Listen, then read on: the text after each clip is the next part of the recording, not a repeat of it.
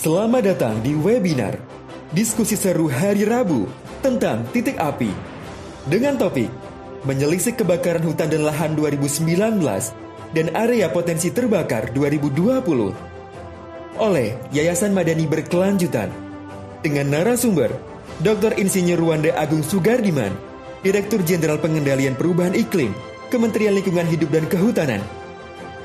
Nazir Fuad, Kepala Badan Restorasi Gambut. Insinyur Medi Herlianto, Widya Iswara Ahli Utama, Badan Nasional Penanggulangan Bencana. Fadli Ahmad Naufal, YS Spesialis, Yayasan Madani Berkelanjutan. Dipandu oleh Brigita Iswara Laksmi, jurnalis. Selamat mengikuti.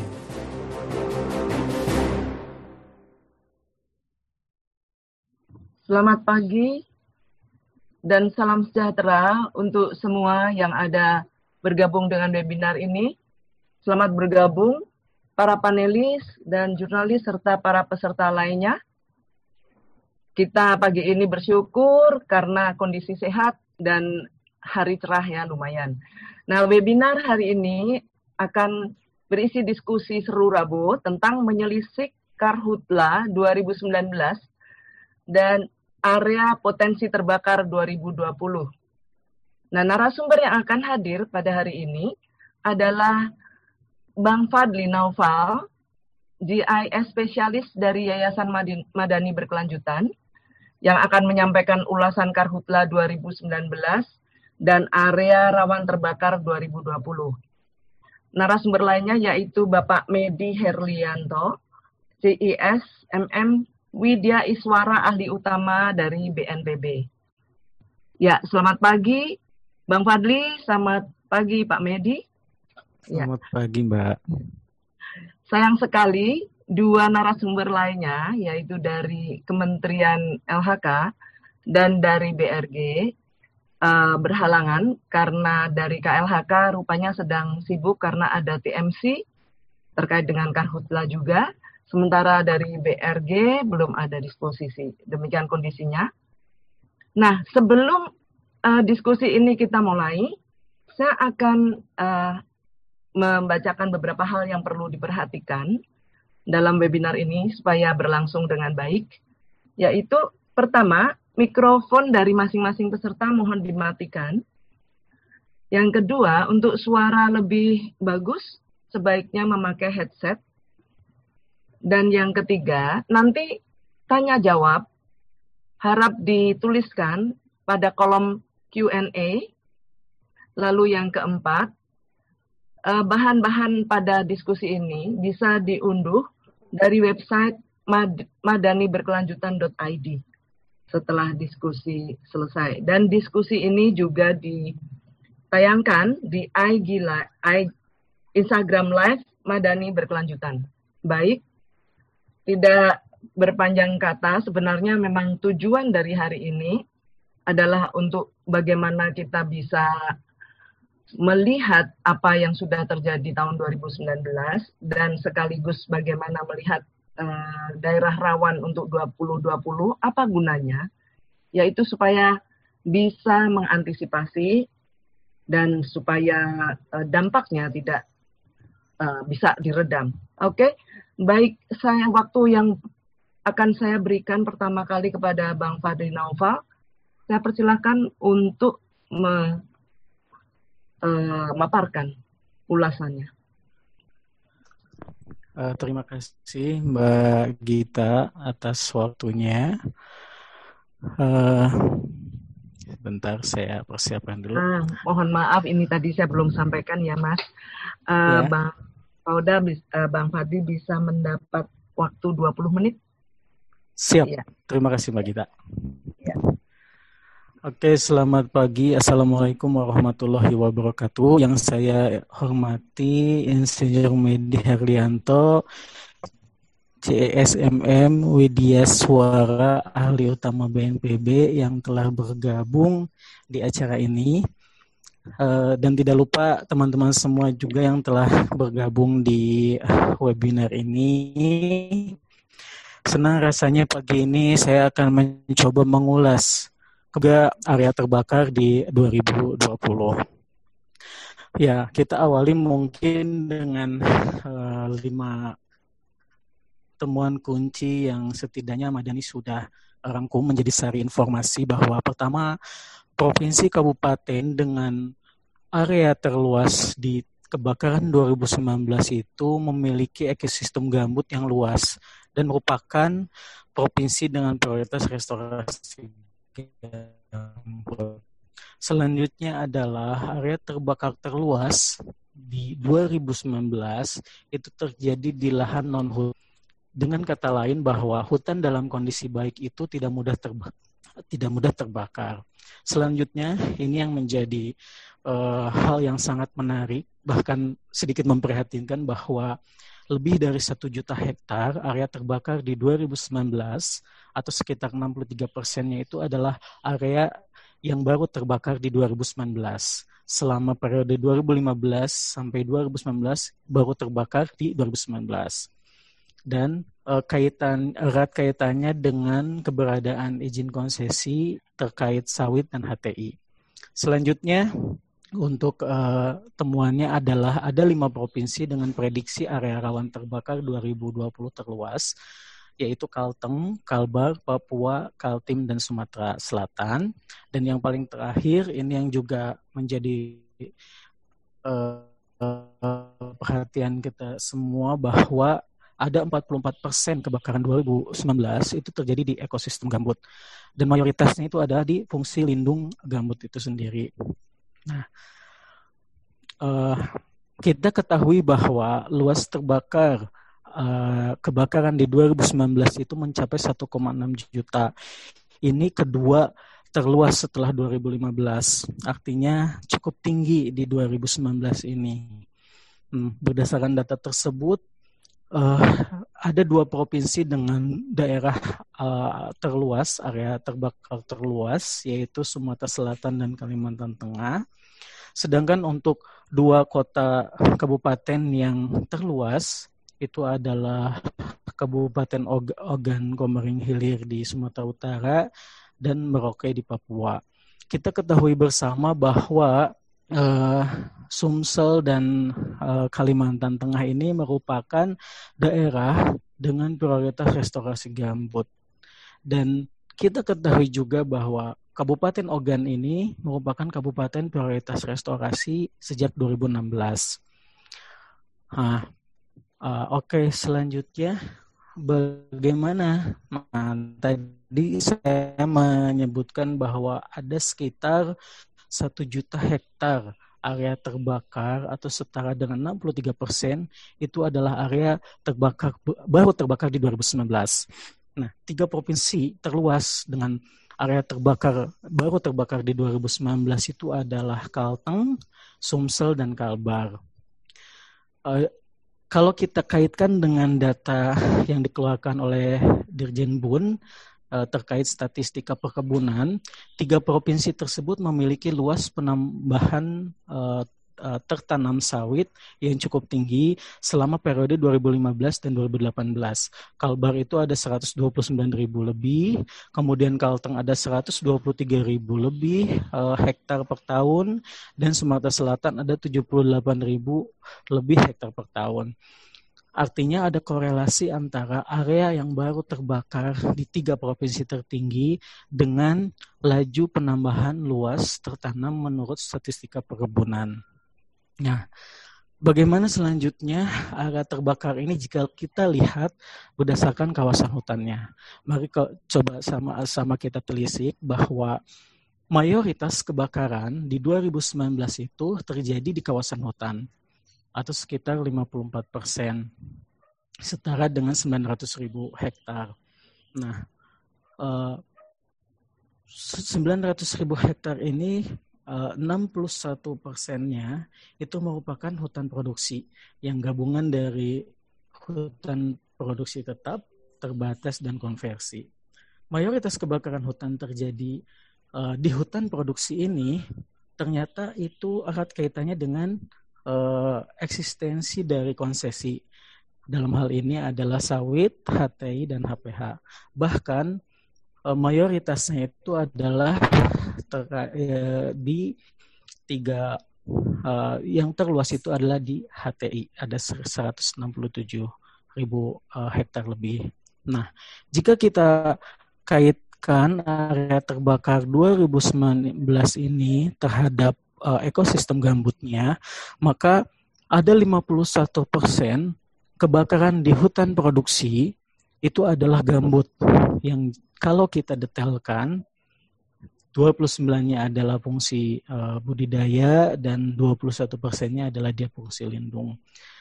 Ini uh, data yang uh, ada di kebakaran 2019.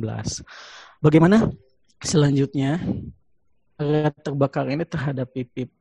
PIPIP ini merupakan area moratorium yang seharusnya terlindungi. Namun faktanya ada 31 uh, persen lebih bahwa area terbakar ini adalah di di daerah PIPIP.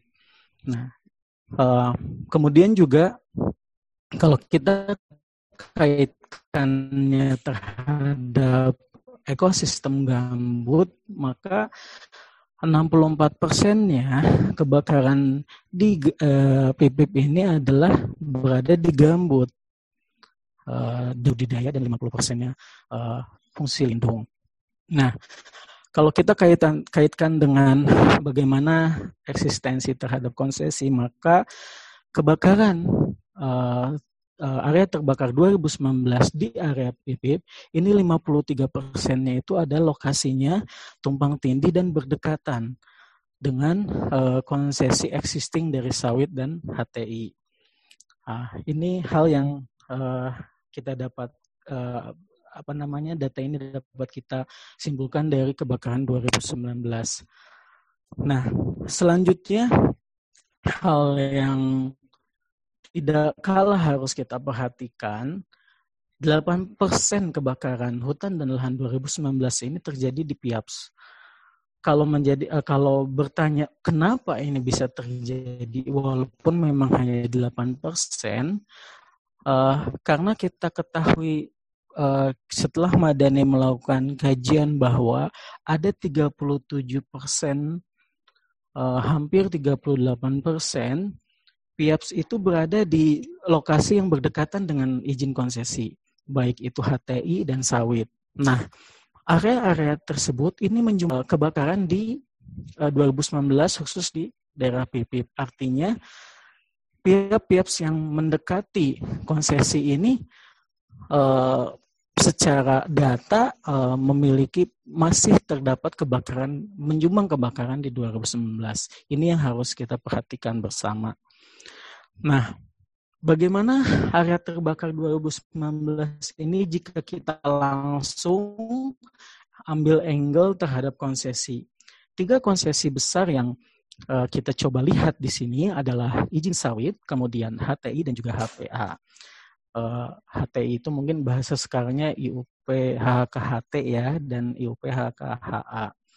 Uh, eh, kepanjangannya itu adalah izin usaha pemanfaatan hasil hutan kayu hutan tanaman dan izin usaha pemanfaatan hasil hutan kayu hutan alam.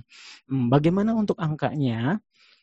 Uh, kita temukan 217 ribu hektar lebih Eh, kebakaran 2019 itu ada di izin sawit.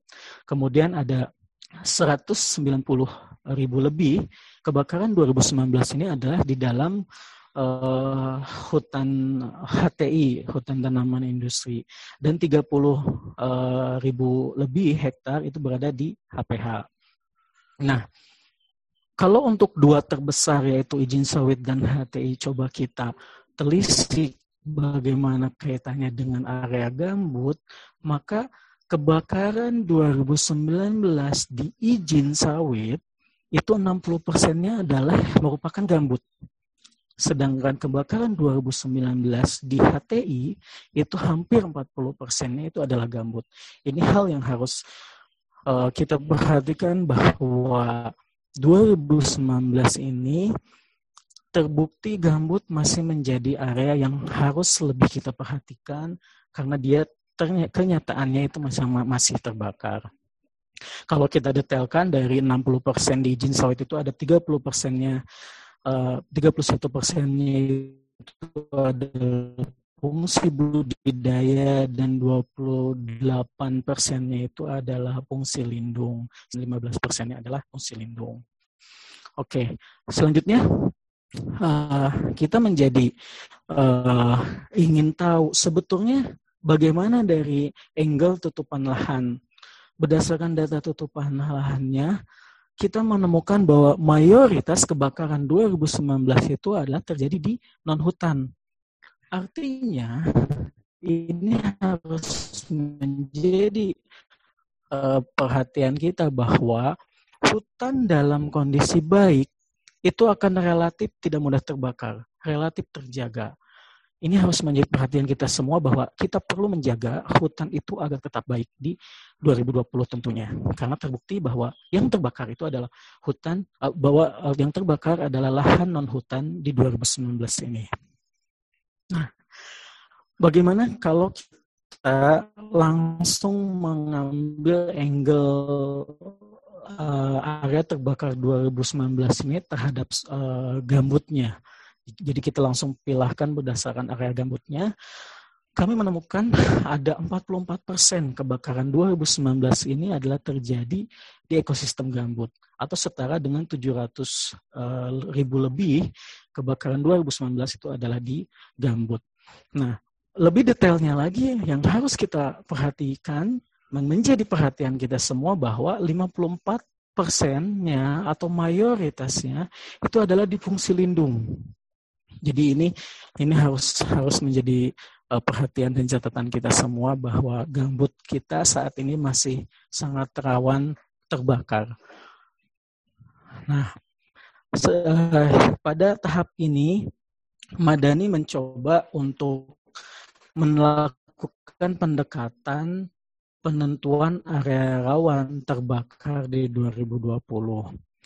Uh, pendekatan ini kita uh, kita dekati betul-betul melalui uh, historical terbakar di 2015 sampai 2019.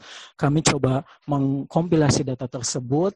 Ada tiga uh, tiga poin yang kita perhatikan. Pertama, tutupan lahan apa saja sih yang selama periode tersebut terus terbakar? Yang kedua, apakah jejak-jejak terbakar ini berdekatan dengan uh, apa konsesi terutama sawit dan HTI? Dan yang ketiga, apakah kebakaran jejak kebakaran di 2015 dan 2019 ini adalah uh, berada di gambut dan non gambut? Dan yang keempat adalah kombinasi dari ketiganya. Sehingga kami me me mengklasifikasikan di empat level berdasarkan tutupan lahan, tutupan lahan dan kedekatan dengan konsesi, tutupan lahan dengan gambut dan non gambut, dan tutupan lahan dengan ketiganya, tutupan lahan, konsesi dan gambut. Tidak gambut. Nah, keempat level itu dijelaskan di grafik tersebut berdasarkan warna orange ya kuning ini kuning biru biru muda dan orange. Ini adalah kombinasi setiap provinsi terhadap uh, keempat level tersebut sedangkan bar yang putih ini adalah uh, jejak terbakar di 2015 dan 2019. Nah, dari pendekatan ini kami menemukan setidaknya ada lima provinsi dengan area rawan terbakar di 2020 terluas. Pertama adalah Kalteng, 12 eh, ribu eh, 12 juta hektar lebih, kemudian Kalbar ada 11 juta hektar lebih, Papua, Kaltim, dan Sumatera Selatan. Sedangkan kalau layer 2 dikombinasikan dengan jejak, itu sebetulnya ada 8 provinsi. Yang pertama adalah uh, kelompok pertama adalah ART-nya tinggi dan juga akumulasi jejaknya tinggi. Itu adalah Kalteng, Papua, Sumsainya yang tinggi saja, itu adalah Kalbar, Kaltim, Riau, dan Sumut. Ini menjadi masukan kami terhadap pihak yang terkait bahwa provinsi-provinsi tersebut harus menjadi pay attention di 2020 untuk menekan luasan kebakaran di 2020. Nah, area terbakar tersebut kami coba uji dengan hotspot 2020. Dari Januari sampai dengan Maret 2020, 80% hotspotnya itu berada di area yang sudah kita prediksikan. Artinya bahwa koridor ini harus menjadi perhatian karena faktanya di Januari sampai Maret hotspot pun ada berada di sana. Nah, terkait masalah hotspot, maka Madani mencoba memberi informasi lain, yaitu dengan pendekatan bahwa jikalau kita sudah mempunyai data hotspot, maka uh, hotspot tersebut di, di, di sandingkan dengan data kerapatan hotspotnya, maka jikalau ada hotspot dengan jumlah tertentu dan uh, kerapatannya tinggi, maka itu besar kemungkinannya menjadi area potensi terbakar yang tinggi pula. Artinya, kami menginventaris hotspot yang ada, kemudian kita uh, kombinasikan dengan data kerapatan hotspotnya, maka kami mendeliniasi area potensi terbakar di 2020. Nah, dari pendekatan itu, sejak Januari hingga Maret 2020 terdapat 12.000 lebih, 12.400 lebih hotspot berdasarkan data dari FIRS. Dan juga kalau dengan pendekatan tadi maka area potensi terbakar hingga Maret itu setidaknya ada 42 ribu hektar yang sudah berpotensi tersebut, maka Riau adalah provinsi dengan area potensi terbakar tertinggi karena sudah mengancam hampir 16.700 eh, hektar lebih. Tentu ini hanya uh, pendekatan, bukan berarti sudah terbakar sekian hektar, tidak, tapi ini sebuah pendekatan. Angka ini kami harapkan menjadi gambaran kepada pihak yang terkait bahwa saat ini hotspot yang ada sudah mengancam sekian hektar. Artinya ini sebagai early warning dan juga pencegahan sejak dini dari hotspot itu sendiri. Nah, berdasarkan seluruh uh, kajian tadi, maka Madani merekomendasikan bahwa Pertama, kita harus cegah kebakaran di area rawan terbakar. Kita sudah memetakan area rawan terbakar 2020 di lima provinsi utama.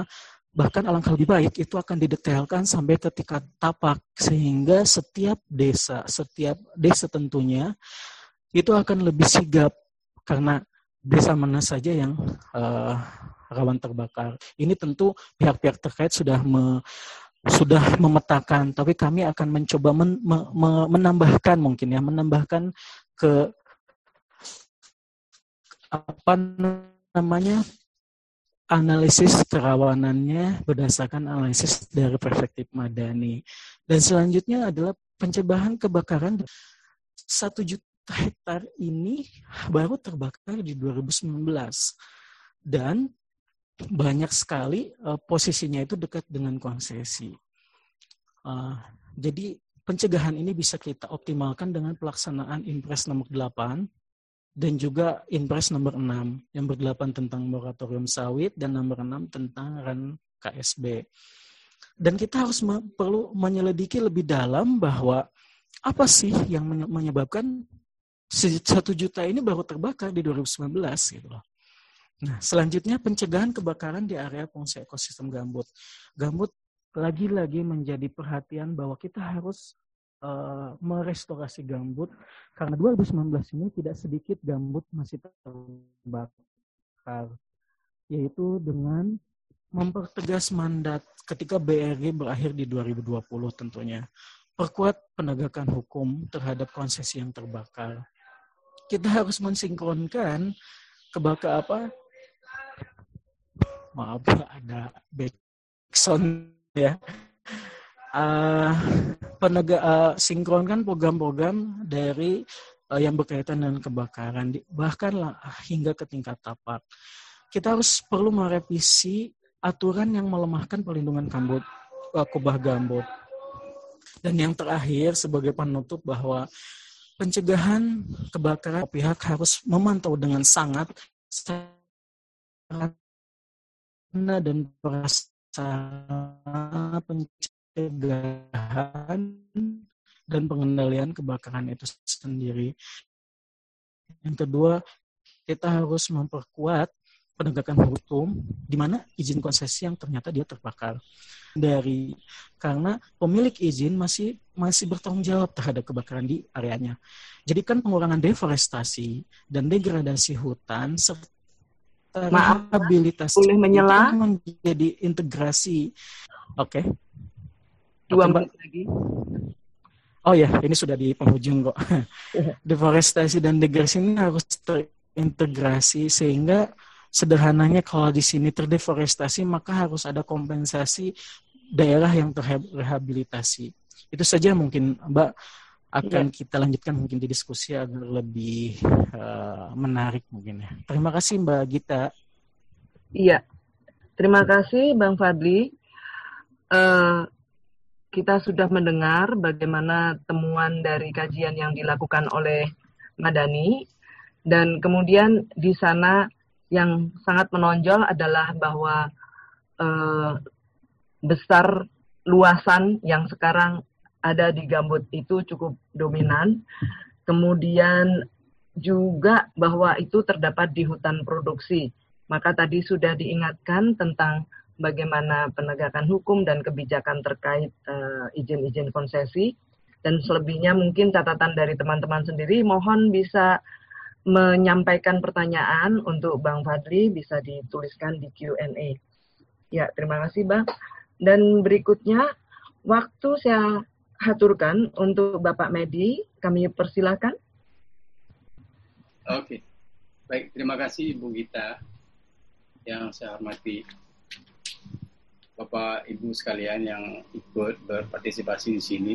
Uh, yang disampaikan Pak Pak ini sangat menarik. Jadi sebelum saya memulai, saya kira beberapa hal tadi saya uh, catat juga.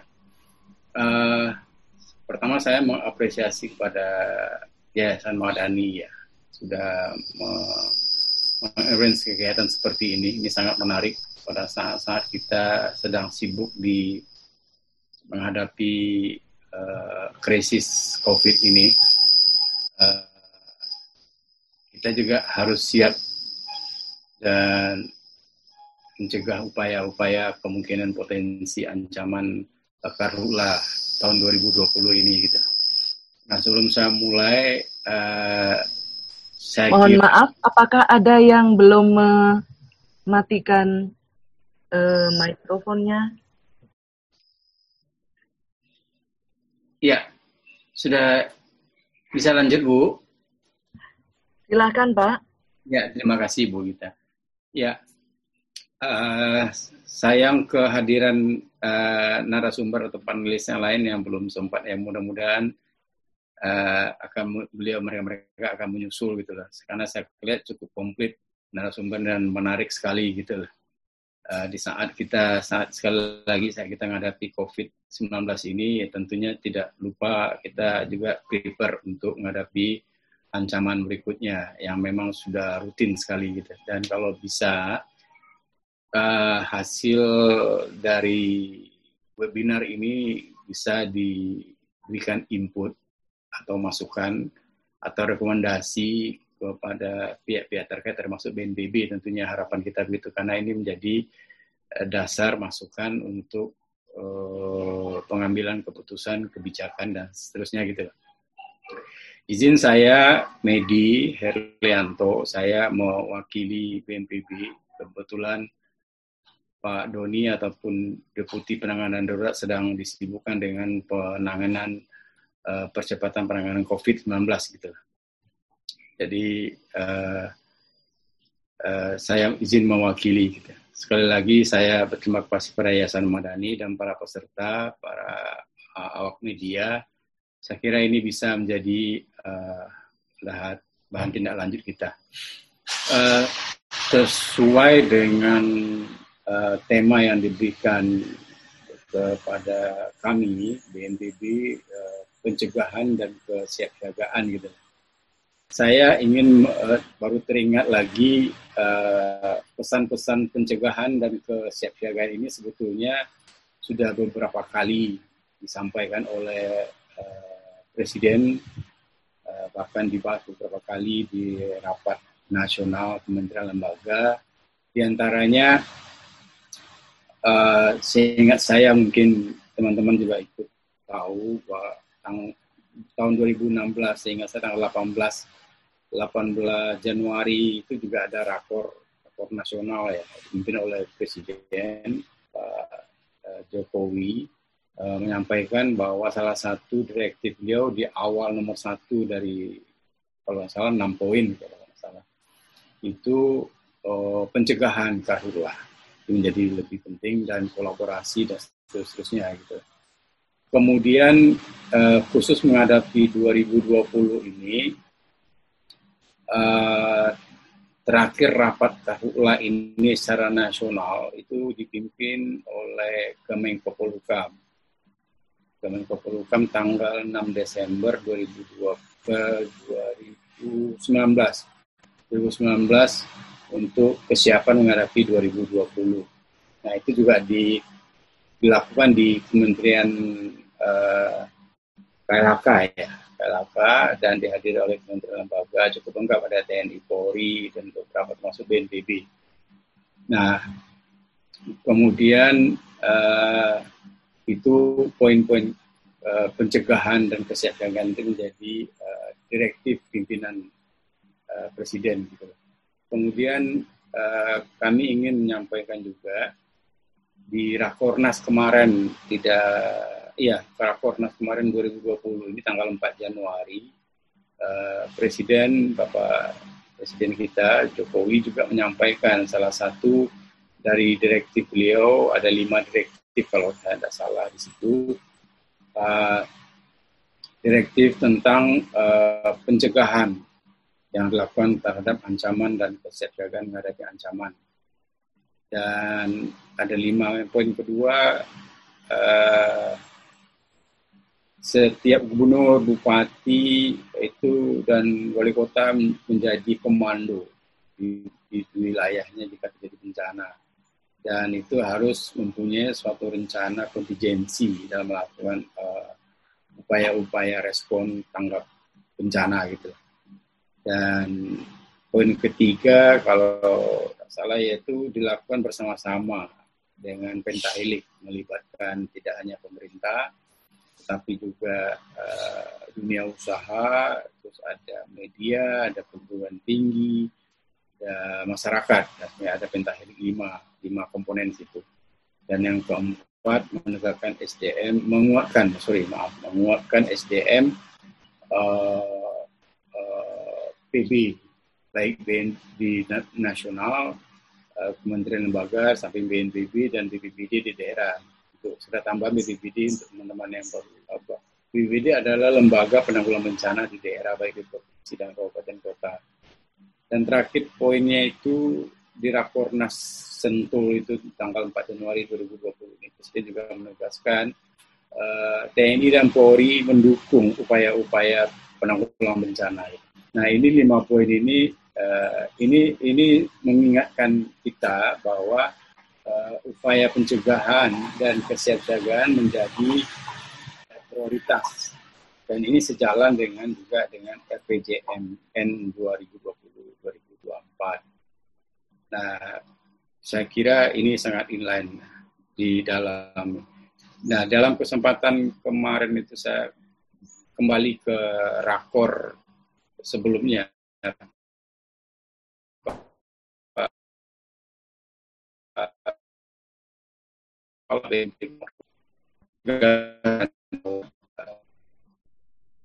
konsep pemadam menjadi pencegah.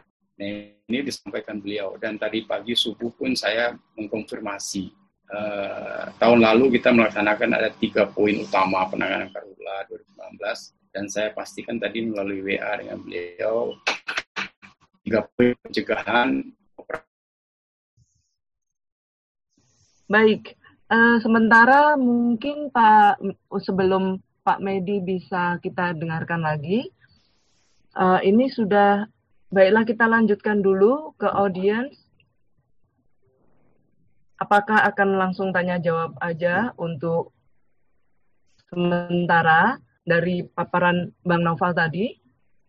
Ya, ini ada beberapa pertanyaan tentang adanya daerah rawan kebakaran yang diperkirakan antara lain ada di Kalimantan Tengah.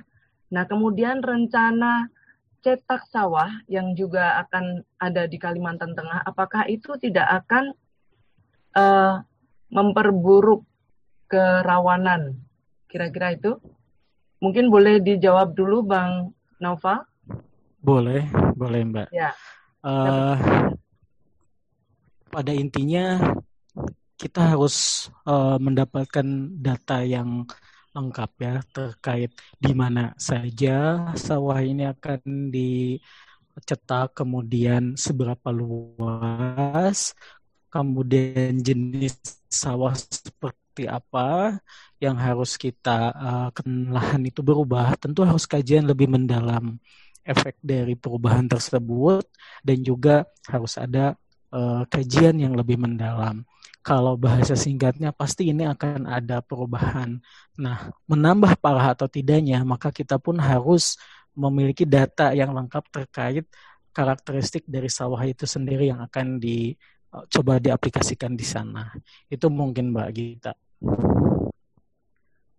Iya, pertanyaan lainnya atau sebenarnya ini semacam pengamatan juga. Sayangnya ini tidak ada dari pihak KLHK dan uh, dari BRG. Oh, betul, ya, ini tentang sekat kanal dan sumur bor yang dinilai kurang efektif dan ternyata ketika dicek separuh sumur dan sekat tahun 2018 bocor ketika dicek tahun 2019.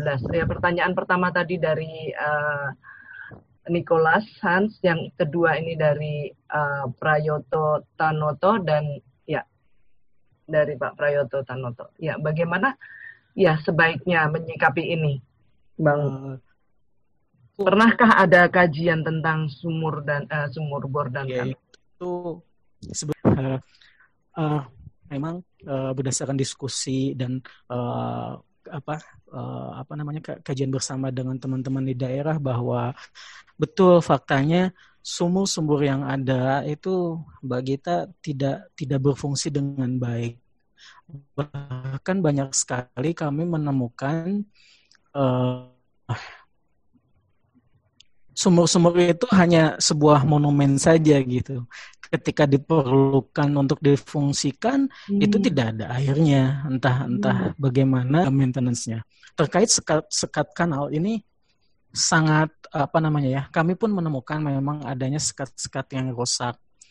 Ada dua hal yang perlu kita cermati. Pertama, rusak ini adalah memang perencanaannya yang uh, kurang baik atau tidak lengkap kajiannya ataukah memang dirusak. Nah, itu hal yang uh, masih harus perlu kita dalami.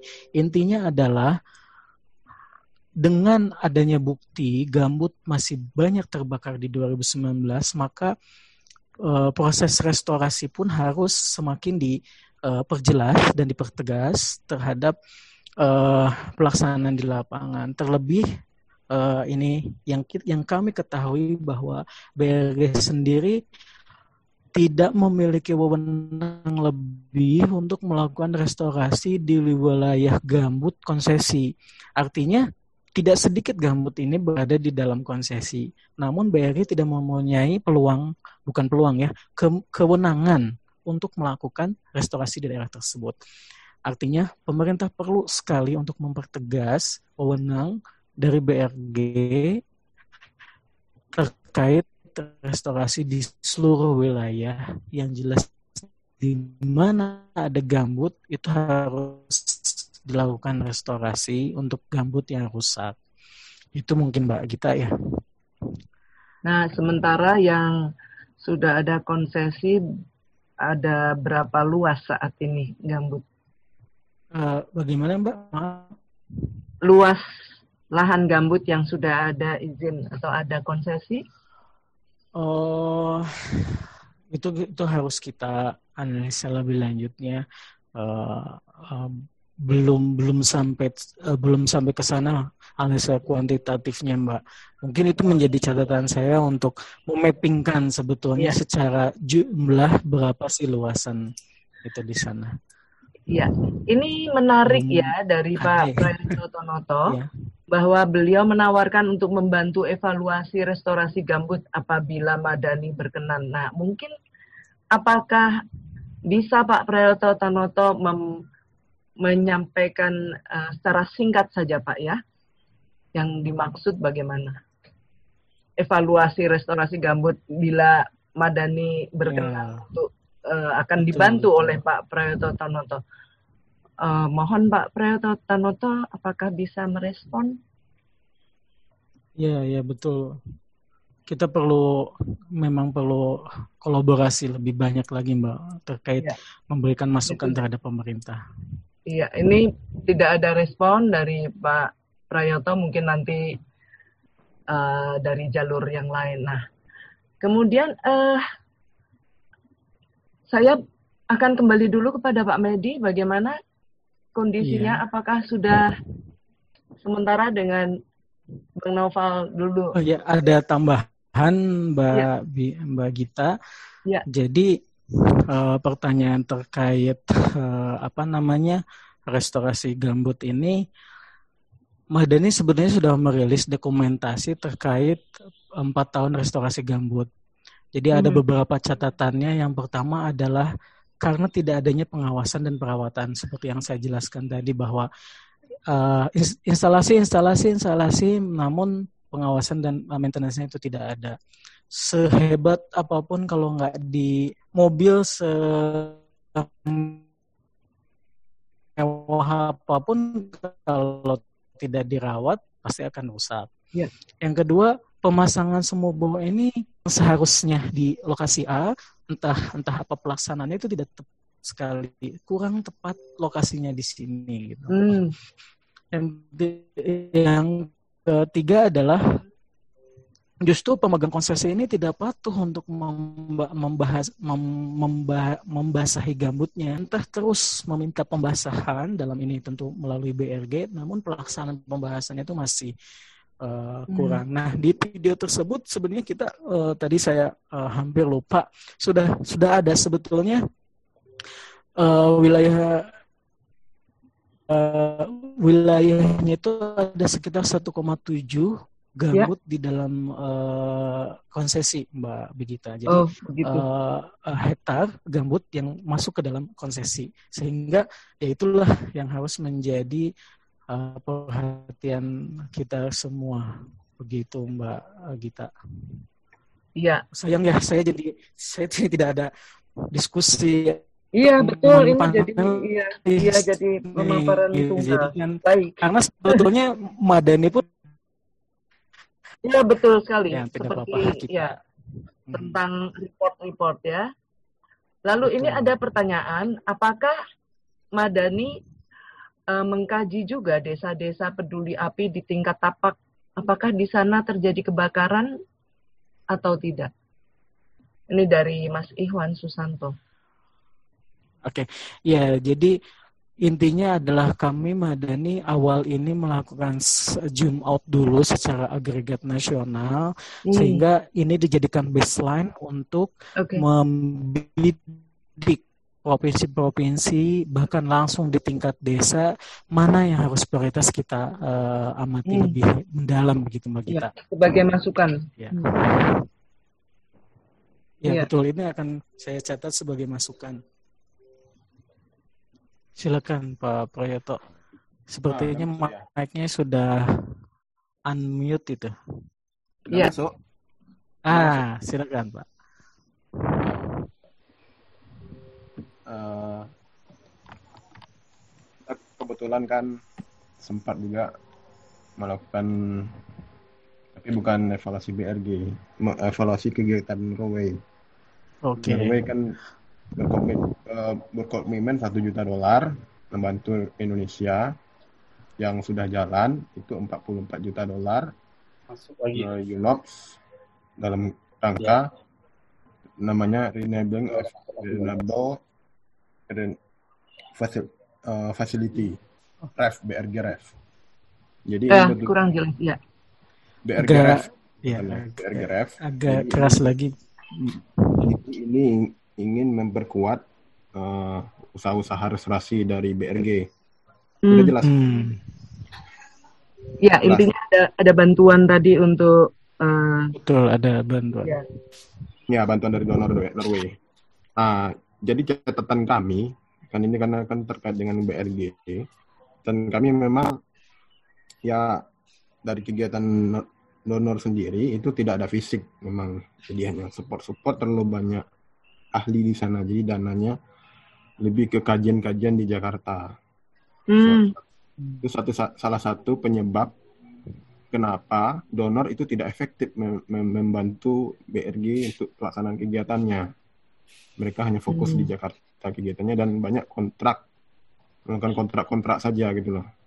Hmm. jadi ada kontraktor dengan nilai jutaan dolar. Itu fokusnya. Saya nggak tahu kenapa begitu.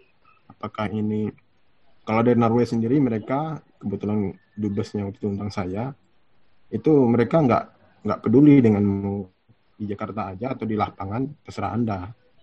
Uangnya itu begitu yang saya tangkap dari dubesnya Hmm. Nah, tapi nggak tahu ini uh, mungkin kita perlu cek juga nanti ke Madani bisa cek dengan UNOPS apa yang sesungguhnya terjadi ini antara komunikasi antara BRG dan dubesnya ini apakah ada yang gapnya ini jadi itu terkait di level pusat ya lalu di level yeah. Riau yeah. tempat saya yang ya saya saya dulu ini bukan karena saya lahir di Riau dan sampai sekarang juga hidup di Riau itu hmm, yeah. Uh, jadi kan kita kita uh, pelaku juga pelaksana juga kegiatan restorasi itu. Jadi memang pertama ini dari, lokasi dulu saya bahas. Lokasi itu dari 2017 itu kan BRG sendiri yang melakukannya. Nah, jadi sampai 2018 baru kita ikut membantu. Tapi penentuan lokasinya 2017-2018 itu murni dari BRG tidak ada campur tangan dari daerah. Kelemahannya adalah masalahnya masyarakat karena kena kerjasama dengan masyarakat, pelaksanaan juga masyarakat, namanya Pokmas. Itu suka-suka Pokmas mau di mana, mau taruh di belakang rumah juga nggak masalah gitu loh. Hmm. Ketika kita kita tanya kenapa dibuat di belakang rumah, kata dia kan dia kan ada pendamping ini dari BRG eh dari dari BRG ya pendamping pok pokmasnya itu katanya masyarakatnya minta di sana gitu loh. Hmm. Nah itu yang ketika saya protes, saya saya bilang ini kalau begini jalannya nggak percuma aja kita buat banyak-banyak kalau cuma mau maunya masyarakat. Sehingga tahun 2019 itu ada namanya peta PIR sebenarnya sudah lama dibuat, tapi mulai 2019 itu wajib di dalam peta PIR, peta indikatif restorasi gambut yang baik kan, sikat kanal dan terutama sumur bor itu barulah berubah itu yang sehingga kalau kita lihat 2017-18 mungkin sebagai contoh di Lukun itu yang dibangun di kampung padahal yang kebakar bukan di kampung gitu Jadi sebenarnya kalau kalau kita lihat sendiri lahan-lahan restorasi itu harusnya ditempatkan bukan di kampung tapi di area yang terbakar sendiri. Itu sudah 2019 itu sudah mulai kita koreksi terhadap kegiatan-kegiatan yang sudah berjalan namun tidak efektif. Yang selanjutnya adalah masalah antara komunikasi pendamping masa Pokmas dengan Pokmasnya sendiri. Bagaimana kegiatan ini berjalan bagus. Karena namanya masyarakat kan macam-macam karakternya. Ada yang rajin, bagus, komitmen tinggi. Tapi di sisi lain ada juga yang tidak berkomitmen. Itu yang perlu kita kita jaga. Jadi uh, kalau saya lihat, saya lihat ada beberapa tempat itu masyarakatnya kurang kurang ini ya karena namanya proyek kegiatannya ya hanya mengejar proyek. Jadi salah satu contoh yang saya lihat itu sampai-sampai mereka bangun kanal tapi tidak ini eh, sekat kanal. Ada entar ada yang masuk. Ya. Uh, Pak Prayoto uh, untuk sementara mungkin uh, kita boleh kembali dulu ke Pak Medi. Pak Medi sudah bisakah? Terima kasih Pak Prayoto tadi uh, tentang peran masyarakat yang belum tentu juga uh, apa efektif juga dalam membantu uh, eh, BRG dan juga tentang donor yang belum efektif ya. Mungkin itu menjadi catatan nanti. Terima kasih Pak Prayoto. Bagaimana dengan Pak Medi sudah bisa bergabung kembali? sudah sudah bisa Bu, mohon maaf ada yeah. gangguan tadi yeah. internet sepertinya gitu lah. Jadi sekarang sudah di uh, connecting lagi gitu. Uh, melanjutkan tadi Bu, jadi uh, sesuai dengan tema yang diberikan tentang pencegahan dan kesiapsiagaan, saya kira ini sangat inline sekali ya dengan kebijakan-kebijakan di nasional dan di uh, lokal gitu. Saya ingin menambahkan uh, dalam rapat terakhir itu Kepala BNPB juga menyampaikan bahwa ini uh, bukan pemadaman lagi yang harus dilakukan, tetapi adalah merubah uh, konsep uh, yang kita tahu uh, semua mungkin pernah disampaikan juga oleh Pak Doni. Saya tadi pagi subuh juga konfirmasi ke beliau uh, konsep penanganan karhula tahun 2020 ini seperti apa eh, dikatakan hampir sama dengan yang tahun lalu yaitu pencegahan pencegahan hmm. melalui upaya merubah mindset masyarakat. Kenapa masyarakat? Karena kita tahu mungkin sudah pernah disampaikan beberapa kali oleh kepala BNPB bahwa 99% lahan itu dibakar gitu. Nah, dan dan 90% itu dibayar gitu, dibayar. Nah, kalau hmm. dibayar berarti ada yang punya lahan, berarti dan ada ada sampaikan juga 80% itu lahan itu setelah dibakar diolah gitu. Nah, berarti ada pemiliknya gitu. Nah, ini masyarakat dibayar. Nah, kalau Pak Kepala BNPB mari kita bayar masyarakat untuk tidak membakar gitu. Nah, ini mungkin yang di konsepnya merubah uh, menjadi pencegahan itu melalui menguatkan kesejahteraan masyarakat, merubah mindset masyarakat, budaya masyarakat gitu loh. Nah ini disampaikan sehingga uh, kita sudah implementasikan tahun lalu uh, konsep ini walaupun mungkin agak sedikit terlambat, ya bukan sedikit lagi mungkin sudah terlambat karena uh, ternyata uh, ya karena penanggulang bencana ataupun apa pun penanggulang bencana ini pasti konsepnya adalah uh, bersama gitu Nah, kegiatannya ada di lokal. Ternyata uh, tahun lalu itu kami melakukan upaya intervensi, melakukan pemadaman itu sudah terlambat karena mestinya pemerintah daerah uh, lebih awal melakukan uh, kesiapsiagaan atau upaya-upaya pencegahan. Tetapi karena kami bisa action itu karena harus ada status da darurat oleh daerah. Artinya daerah perlu diintervensi, perlu dukungan. Nah, kalau tidak ada status seperti itu, uh, kita tidak intervensi. Tapi kalau mereka sanggup, artinya maksud saya pemerintah lokal sanggup, provinsi, kabupaten kota sanggup melakukan upaya pemadaman, tidak ada masalah. gitu lah. Nah, tahun lalu itu sedikit terlambat kita mengimplementasikan pasukan gabungan untuk melakukan pencegahan yang tadi kami sampaikan melakukan merubah mindset masyarakat ini. Nah, ini ini sekali lagi uh, konsep yang diutamakan. Artinya peningkatan kesejahteraan itu melakukan pengembangan pengetahuan, mengedukasi masyarakat, memberikan pemahaman masyarakat sehingga masyarakat itu uh, tidak lagi membakar. Sehingga mereka uh, kita berikan edukasi bagaimana pengembangan kita ke depan itu untuk uh, membangun ekonomi, membangun melakukan penanaman ekologis dan nilai, punya nilai-nilai ekonomi seperti kopi, uh, apalagi yang bisa ditanam di lahan-lahan gambut dan sebagainya, sehingga nanti punya nilai ekonomi sehingga menghasilkan produksi hutan dan lahan jadi nilai-nilai tambah. Dan ini untuk masyarakat gitu. Nah, upaya yang kita lakukan dalam pencegahan ini sepertinya konsep ini. Tapi karena ini baru diimplementasikan tahun lalu dan ini melibatkan tentunya banyak pihak ya di situ.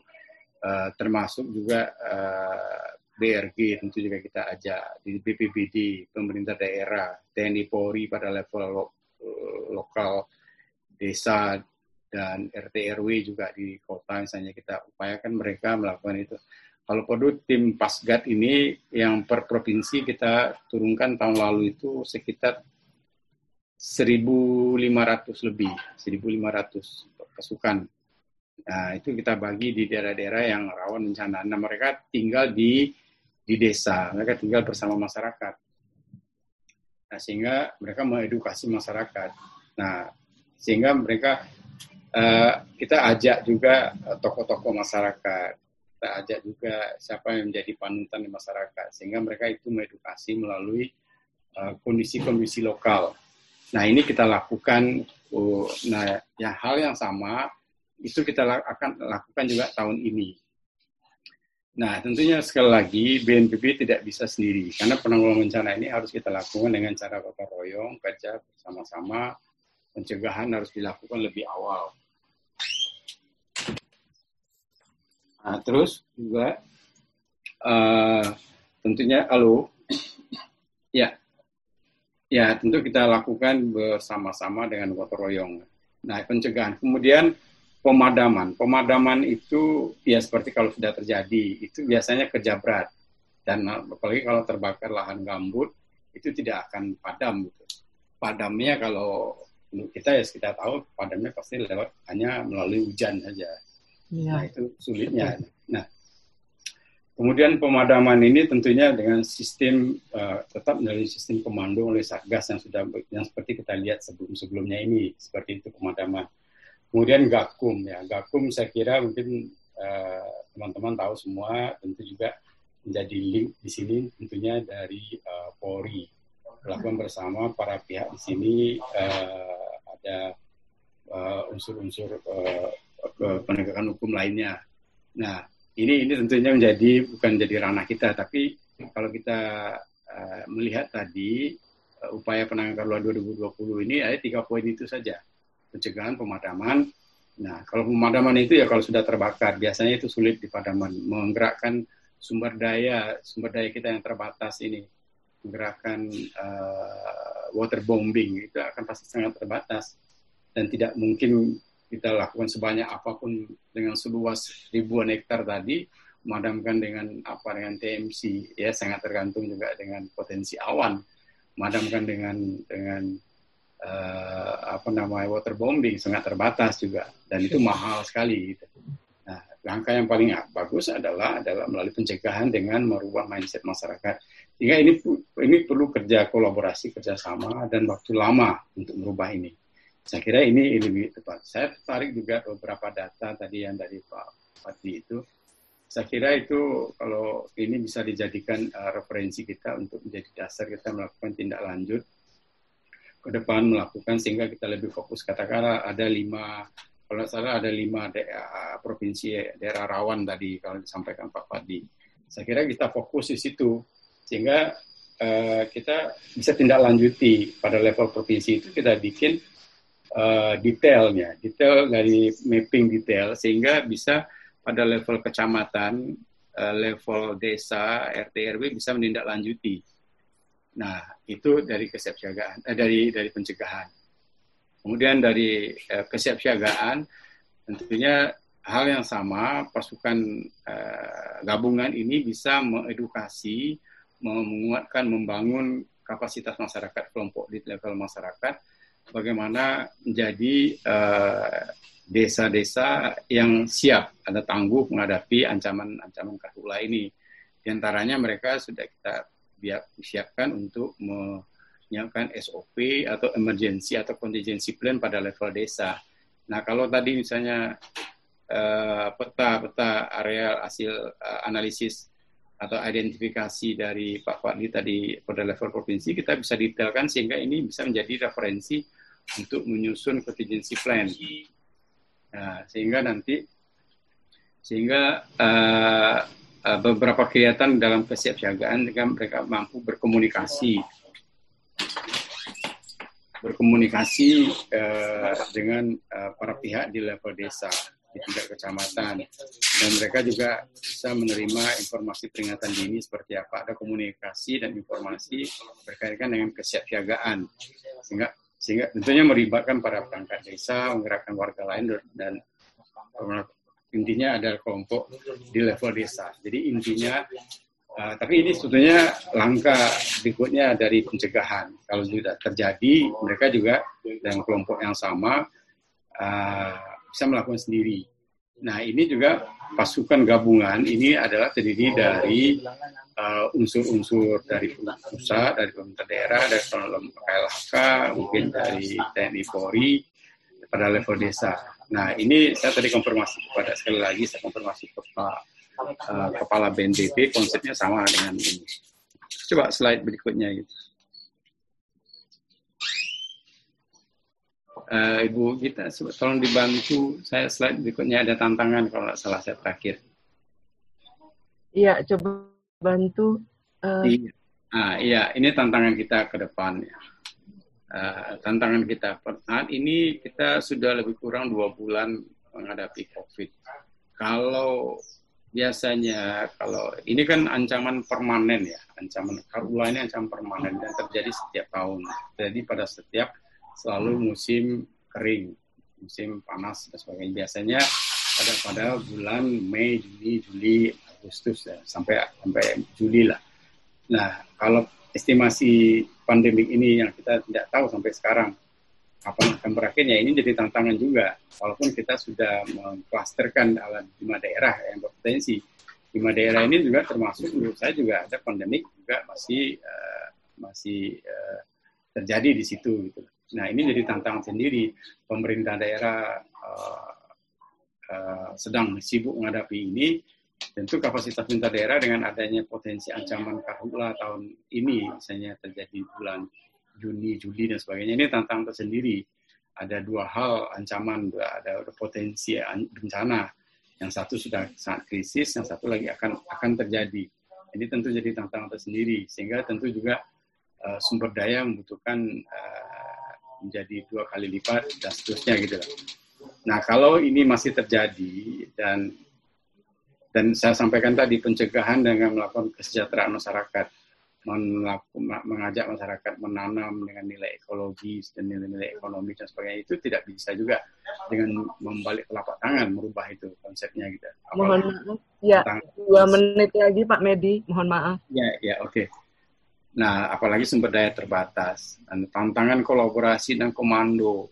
Nah, kalau kita melakukan penguatan-penguatan kapasitas seperti ini, ini juga sebetulnya pemerintah daerah uh, bukan suatu uh, ya sesuai dengan undang-undang lah. Katakan undang-undang 24 2007 mengamanahkan kepada kita semua adalah tang tanggung jawab penanggulangan bencana ada pemerintah daerah. Jika terjadi gap atau ini pemerintah pusat intervensi dan para pihak bisa intervensi. Jadi yang ada di depan adalah adalah pemerintah daerah itu lokal. Nah silakan lakukan cara lokal. Silakan dilakukan dengan cara kebijakan lokal ini yang harus dilakukan oleh uh, pemerintah daerah. Kita itu akan intervensi jika memang ada uh, permintaan apa walaupun kita tahu ya, tapi secara di administrasi harus ada status darurat disampaikan oleh pemerintah daerah. Kalau tidak kita tidak bisa juga. Misalnya kalau kita mau mendeploy uh, pesawat untuk waterbombing atau melakukan TMC, tetapi pemerintah daerah tidak mengeluarkan status apa-apa Walaupun kita tahu di lapangan itu membutuhkan sumber daya itu. Nah ini juga jadi hambatan administrasi, hambatan birokrasi yang begini gitu. Ya. Tapi kalau daerahnya sudah kooperatif untuk ini, sehingga mereka cepat melakukan upaya-upaya sistem peringatan dini kepada uh, di internal lokal, di internal mereka, sehingga ini akan mempercepat upaya kita melakukan pencegahan. Sebetulnya melakukan dari analisis atau hasil kajian ilmiah kejadian sekali lagi saya sampaikan ini kan bencana permanen, ya, ancaman permanen. Saya kira ini akan berulang, dasarnya cukup kuat. Dan ini sudah cukup dasar bagi pemerintah daerah untuk melakukan status. Karena status itu bisa siaga, darurat, siaga transisi darurat. Nah, ini ini bisa bisa dipahami teman-teman daerah sudah sangat tahu ini sebetulnya. Tapi mungkin ya juga tentu dipengaruhi politik lokal dan sebagainya, itu juga mempengaruhi. Jadi intinya awareness yang akan kita bangun di oleh pencegahan ini tidak hanya pada pemerintah daerah, pada masyarakat, tetapi juga pada keseluruhan pemerintah daerah. Sehingga kalau awareness ini terbangun, baru ada investasi-investasi, upaya mitigasi, upaya pencegahan, upaya kesiapsiagaan. Sehingga ada plan di situ, ada rencana untuk investasi, menguatkan sumber daya yang terbatas, sehingga mampu melakukan kolaborasi. Sebetulnya pemerintah daerah saya sudah sudah paham ini sebetulnya tapi mungkin masing-masing itu juga ada kendala-kendala gitu. Nah harapan kita ke depan tentunya tantangan 2020 ini uh, menjadi sangat besar. Kalau bisa sekali lagi di awal tadi saya sebutkan uh, webinar ini bisa menjadi uh, masukan bagi para pihak, terutama yang mengambil keputusan kebijakan, sehingga cepat lebih lebih cepat dilakukan. Walaupun kita saat ini sedang menghadapi uh, krisis kesehatan um, menghadapi uh, virus COVID ini, gitu, COVID-19 ini. Ya. Nah itu kira-kira uh, Bu Gita, Bapak Ibu. Ya. Terima kasih. Uh, ya. apa namanya jadi share kami dari BNPB sehingga ada masukan-masukan kita ke depan. Saya kira itu sementara. Terima kasih ya. Assalamualaikum warahmatullahi wabarakatuh. Waalaikumsalam warahmatullahi wabarakatuh. Terima kasih Pak Medi. Dan sebenarnya kalau melihat dari paparan tadi, pemerintah sudah melihat apa sebenarnya permasalahannya dan ini sudah ditaruh di tingkat tapak hingga ke desa-desa dan uh, untuk meningkatkan awareness dan sesuai dengan undang-undangnya juga harus dari daerah ya untuk masalah bencana. Persoalannya ada yang saya catat tadi, mohon maaf saya hanya untuk me, apa, mengeksplor aja sedikit tentang tadi dikatakan terlambat, mungkin sudah dianalisa mengapa terlambat, mengapa mereka tidak memberikan status darurat, apakah karena ketidaktahuan atau apa sudah ada kajiannya atau belum, dan kemudian eh, apakah juga ada kajian berapa desa atau berapa? Jadi tingkat kesadaran itu ada uh, grade-nya nggak Pak? Artinya apakah sekian ribu desa itu uh, yang terutama mungkin yang dekat dengan daerah gambut, daerah-daerah rawan kebakaran, apakah mereka sudah uh, punya kesadaran itu atau 80% mungkin dengan persentase saja Pak? Kalau sudah ada kajian dari BNPB saya yakin sudah ada. Terima kasih. Ya Pak. Saya langsung jawab ya, sorry maaf. Ya. Ya, ya. untuk melengkapi okay. itu tadi aja. Ya, ya. Ya, jadi jadi betul Bu, terlambat ya. Sering terlambat. Ya tahun lalu praktek yang kita lakukan tahun lalu. Uh, kita baru action itu bulan Juni karena pemerintah daerah yang kita tahu karena ini ancaman permanen berarti mereka sudah tahu sebetulnya. Dan ini hmm. sudah kebakaran sejak 97, 2015 dan yeah. tiap tahun kebakar walaupun mungkin skalanya tidak yang besar itu yeah. kan 2015, 2019 yeah. termasuk besar juga. Nah, ini yang awareness ini saya kira se, se, mungkin baru kesadaran bahwa awarenessnya sudah ada ya Pak ya, karena pengalaman mereka ya. Siapa investasi yang dilakukan dalam konteks penanggulang bencana atau manajemen PB penanggulang bencana itu belum dilakukan. Misalnya, kalau memang ada mereka tahu bulan Juni pasti panas, Mei Juni panas. Mereka mestinya sudah sudah melihat lagi menyiapkan rencana kontingensi, menyiapkan sumber daya, menyiapkan posko, dan itu itu berpotensi itu itu sangat mungkin sekali, tapi tidak dilakukan. Hmm. Ini mohon maaf saya katakan seolah-olah uh, tanggung jawab ini dari tanggung jawab pusat, tanggung jawab BNPB, ya kan? Nah itu tidak bisa. Penanggulangan bencana itu adalah tanggung jawab uh, pemerintah daerah bersama dengan para pihak semuanya.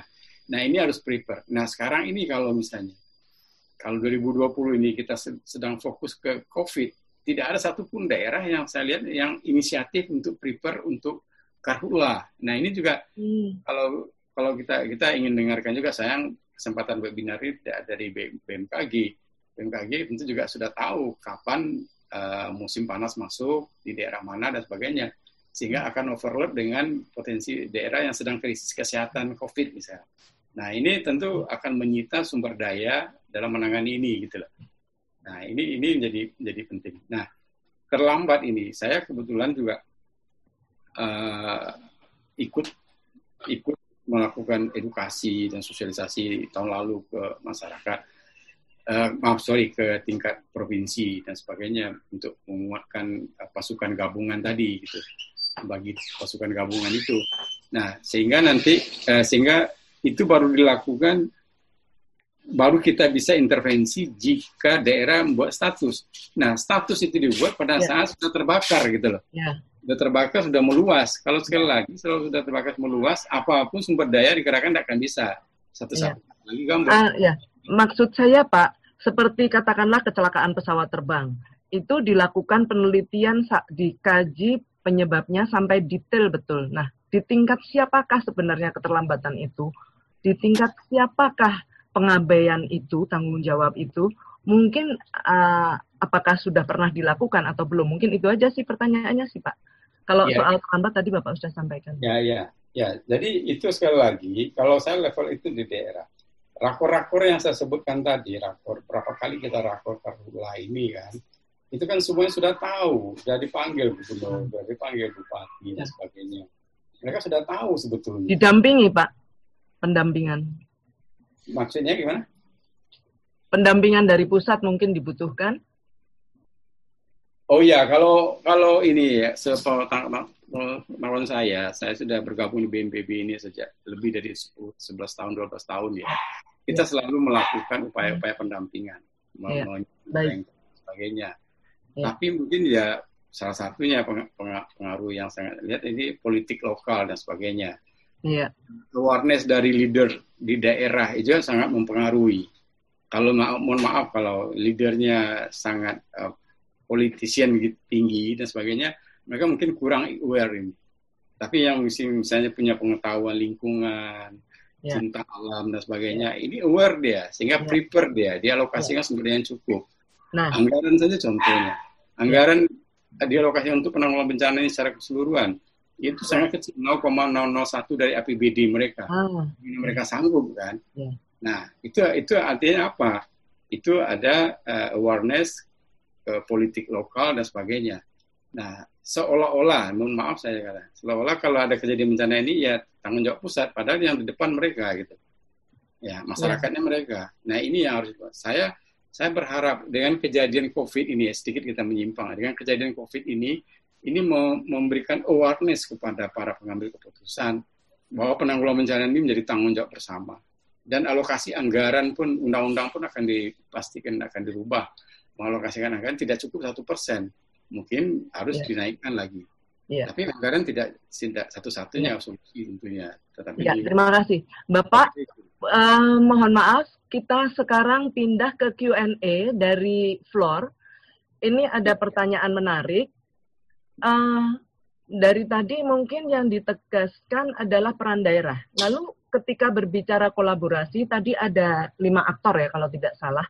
Nah, apakah tidak bagaimana peran pemegang konsesi selama ini? Evaluasinya bagaimana?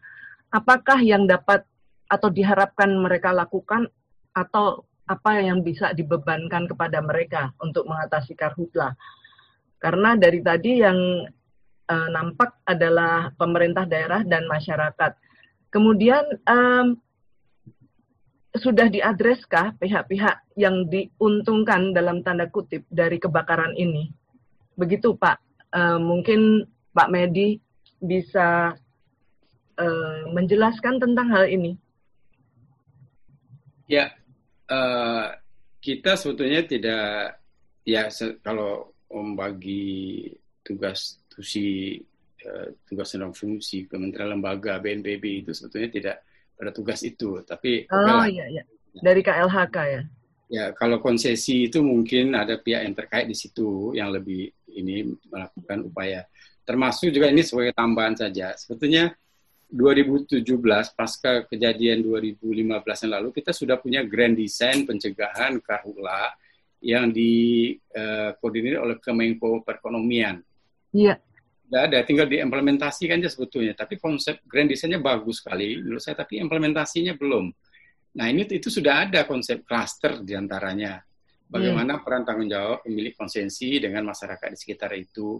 Mereka harus menguatkan kapasitas uh, lokal di daerah konsesi bersama masyarakat, kelompok-kelompok masyarakat tadi seperti konsepnya sama dengan kita punya. Nah itu kita hmm. memberikan masukan itu. Nah tapi itu belum jalan. Nah hmm. ada itu saya, saya kira ya bu. Jadi harus ada uh, yang approach kita bisa approach, tapi yang ada yang lebih pas untuk melakukan approaching untuk mereka untuk bicara tentang ini gitu kepada mereka sebagai pemilik konsesi dan sebagainya gitu. Iya. Nah, ini banyak sebenarnya ada beberapa pertanyaan itu sebenarnya terkait dengan masalah konsesi ya. Persoalannya sekarang dari pihak KLHK tidak ada untuk menjelaskan ini juga soal penegakan hukum. Uh, kalau apakah dengan pola dan sistem yang berulang semacam ini kejadiannya, ada strategi baru nggak sih Pak? Kalau tadi strategi baru yang saya lihat adalah tentang pendekatan kesejahteraan kepada masyarakat. Sudah uh, satu itu yang saya lihat tadi sudah ada itu, apakah cukup efektif dan kemudian ini dari Mbak Nur Komariah dalam restorasi yang lebih arif bagaimana uh, strateginya untuk restorasi yang lebih arif. Halo. Mungkin itu dulu Pak. Ya. Ya. Uh, Ya, jadi strategi pencegahan dengan melakukan peningkatan kesejahteraan, mengedukasi masyarakat, pasukan gabungan ini yang terdiri dari pemerintah daerah dengan TNI, Polri, pasukan dan sebagainya kita bagi per 10 orang stay di masyarakat, mengadaptasi, beradaptasi dengan masyarakat, berkomunikasi dengan dengan cara-cara lokal, dengan cara-cara kebijakan lokal gitu. Ini tentunya membutuhkan waktu yang yang agak agak panjang ya. Dan harus sustain harus berkelanjutan gitu. Ini menjadi menjadi penting gitu. Sehingga saat ini kita melihatnya itu yang lebih lebih pas sehingga kalau tadi dasarnya ya tadi itu saya katakan kalau 90 persen 99 persen lahan itu dibakar mereka dibayar nah berarti bagaimana mereka alasannya ada untuk kebutuhan uh, kebutuhan hidup, kebutuhan ekonomi dan sebagainya. Kita rubah ekonomi mereka jadi begini, begini untuk kesejahteraan. Mereka menanam pohon-pohon yang menghasilkan nilai-nilai ekonomis dan ekologis dan sebagainya gitu. Nah saat ini strateginya gitu. Saya tadi pagi mengkonfirmasi ke kepala badan, ya untuk tahun 2020 ini tetap begini. Tapi ini mestinya karena ini sudah pernah kita lakukan percontohan, melakukan implementasi tahun lalu, mesti ini konsep ini dilaksanakan juga oleh pemerintah daerah terlebih dahulu mereka prepare di situ sumber daya, sumber daya perencanaan juga, anggarannya juga, uh, eh, SDM-nya juga, SOP-SOP disiapkan tentu diimplementasikan ini juga gitu loh. Karena ini menurut, menurut kami ini ini yang saat ini jadi jadi efektif. Ini ini ini juga harus dilakukan berkelanjutan. Nah, ini ini sementara Bu. Itu kira-kira jawaban Bu. Baik. Uh, dalam mungkin Bang Fadli ada masukan tentang hal tersebut yang tadi didiskusikan tentang strategi. Betul, Mbak. Pada prinsipnya kan memang ini yang terulang ya, kejadian berulang. Setelah 2015 ini adalah kedua terbesar. Tentu kita ketahui bahwa 2017 eh, yang saya tahu Pak Medi bahwa Grand Design tersebut 2017 sampai 2019. Maka apakah pertanyaannya menjadi apakah di 2020 Grand Design tersebut diperpanjang atau bagaimana? Dan pasti ada hasil evaluasi yang diberikan terkait grand design ini sudah dicanangkan hingga 2019 tapi faktanya lumayan besar kebakarannya di 2019 tentu hmm. ini harus menjadi evaluasi bersama bahwa apa yang perlu ditingkatkan. Nah terkait elaborasi tadi ya betul bahwa uh, pendekatan tadi salah satu pendekatan yang baik adalah tentang pendekatan kesejahteraan ke masyarakat yaitu menjadi aspek yang salah satu aspek yang menyasar masyarakat-masyarakat yang memang mempunyai kebiasaan membakar. Jadi kalau memang tidak membakar, apa solusi dari pemerintah? Dia ada pendekatan kesejahteraan. Hmm. Namun ya itu tadi bahwa untuk eh, pelaku-pelaku yang memang skala besar seperti pemegang konsesi, yaitulah pemerintah harus memiliki pengawasan yang lebih komprehensif bahwa hmm.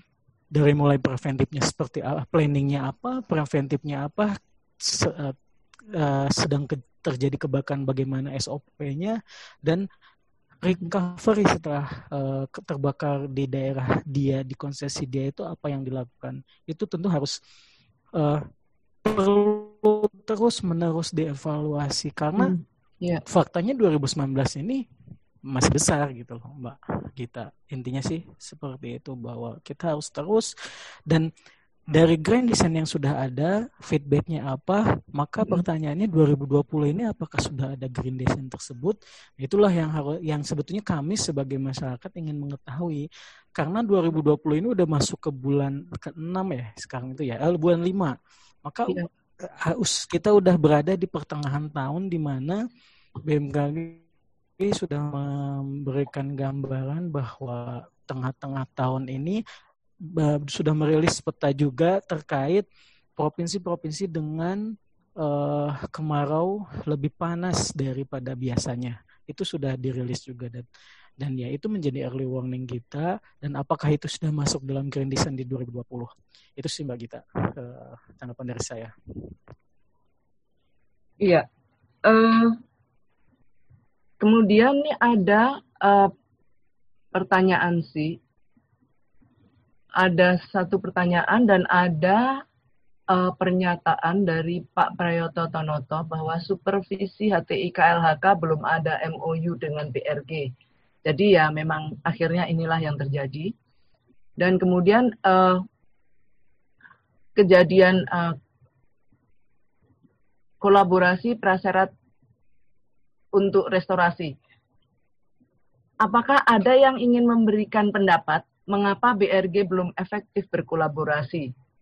Seperti yang tadi dinyatakan Pak uh, Prayoto Tanoto. Mungkin ada yang mengetahui dari pemapar, panelis, atau juga dari uh, peserta yang juga uh, pelaku aktif saya persilahkan saja. Peserta ada raise hand tiga orang, Mbak, di attending. Mungkin bisa di ya, buka saja ya, mungkin ya, ya mic. Bentar. Tidak kelihatan di ini ya. Uh, ada di sini uh, Pak Hasbi, uh, uh, Pak Adriansyah, uh, Pak Fatur mungkin host bisa bisa membuka membuka, uh, mute-nya mute, terhadap unmute, Pak Fatur, Pak Ardi dan Pak Hasbi mungkin untuk berkolaborasi dengan kita. Halo Pak Hasbi. Ya, halo. Ya. Oh ya, silakan Pak Hasbi. Terima kasih. Saya sebenarnya tidak eh, apa namanya tidak akan berkomentar soal eh, koordinasi ya karena mungkin eh, ini memang eh, eh, penting untuk dibahas eh, melibatkan eh, apa namanya perwakilan dari eh, kementerian, kementerian terkait gitu loh. Eh, saya kira itu eh, lebih fair kalau kita misalnya atau Madani ke depan bisa membuka diskusi tentang eh, eh, peningkatan koordinasi antar kementerian lembaga dalam konteks eh, restorasi gambut maupun hmm eh, penanganan karhutla. Saya kira itu. Eh, apakah saya boleh me menyampaikan sesuatu untuk eh, eh, hal ini terkait dengan mungkin ke Pak Medi? Eh, jadi tidak mengomentari soal koordinasi. Mohon izin dulu ke moderator. Ya, silahkan saja. Eh, baik, terima kasih. Menarik sekali yang disampaikan oleh Pak Medi. Eh, saya Hasbi Pak dari kemitraan dan juga concern kami terkait dengan upaya-upaya pencegahan karhutla. Dan saya sangat, sangat sepakat sekali dengan eh, persoalan yang disampaikan bahwa upaya-upaya pencegahan itu sebenarnya menjadi sesuatu yang sangat eh, urgent, sangat krusial. Karena kalau sudah terjadi kebakaran, eh, kita tidak bisa lagi melakukan upaya-upaya efektif untuk penanganannya. Eh, dan selalu menunggu hujan turun baru akan eh, berakhir. Nah, eh, kami menyorotinya dari dua hal. Yang pertama itu dari eh, dari sisi eh, penganggaran. Eh, anggaran untuk eh, penanganan karhutla setiap setiap tahun itu di atas satu miliar satu triliun. Tahun 2018 itu 2,4 triliun habis untuk eh, penanganan karhutla tahun 2019 itu 3,4 triliun juga habis untuk eh, penanganan karhutla. Nah, eh, pemerintah dalam hal ini mungkin dari BNPB eh, perlu untuk juga eh, berusaha untuk menyeimbangkan anggaran untuk pencegahan dan penanganan. Eh, kita tidak tahu data seperti apa data yang eh, bisa dipakai, berapa uang yang berapa uang negara yang dipakai untuk pencegahan dan berapa uang yang dipakai untuk eh, penanggulangan. Itu harusnya lebih berimbang karena tadi kita eh, sepakat bahwa eh, termasuk BNPB sangat mendukung upaya pentingnya upaya pencegahan. Eh, kemudian yang ke, yang berikutnya upaya-upaya pencegahan itu Pak Medi eh, sangat banyak sekali terkait dengan upacara-upacara dan seremonial eh, dan formalitas. Eh, semuanya itu eh, kami lihat lebih banyak dipakai untuk eh, rakornas, kemudian rakorda, eh, kemudian eh, rapat-rapat eh, koordinasi tetapi sangat kurang sekali untuk upaya-upaya pencegahan yang langsung di tingkat eh, implementasi di tingkat Bapak. Seperti yang disampaikan oleh Pak Medi tadi, misalnya mensupport eh, desa dan MPA misalnya untuk melakukan monitoring secara reguler, eh, melakukan eh, early warning system di tingkat desa, hmm. melakukan upaya-upaya eh, pencegahan melalui pembasahan lahan gambut misalnya, memperbaiki sumur-sumur yang rusak, memperbaiki kanal-kanal yang harusnya eh, berfungsi, itu tidak terjadi, sangat minim. Ada anggaran tapi sangat-sangat minim.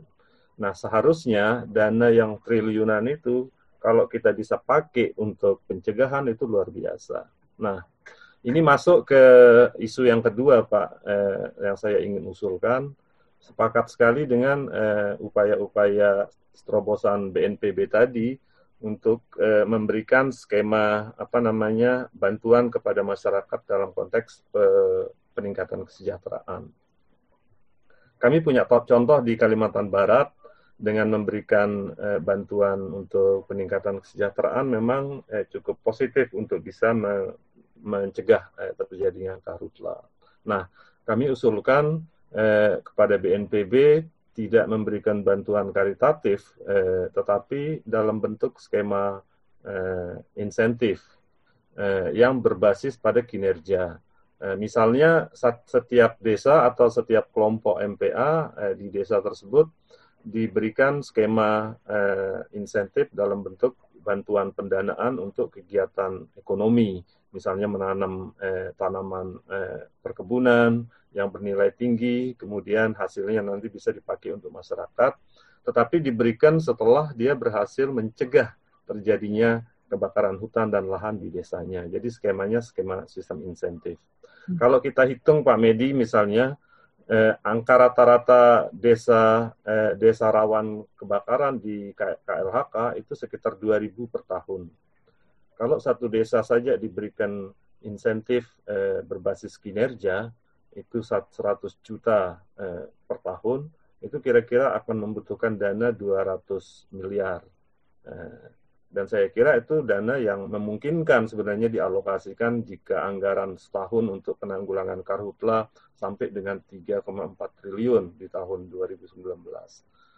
Eh, dengan diberikannya insentif itu kita bisa memastikan sebenarnya bahwa desa-desa akan berupaya untuk mencegah karena mereka punya insentif.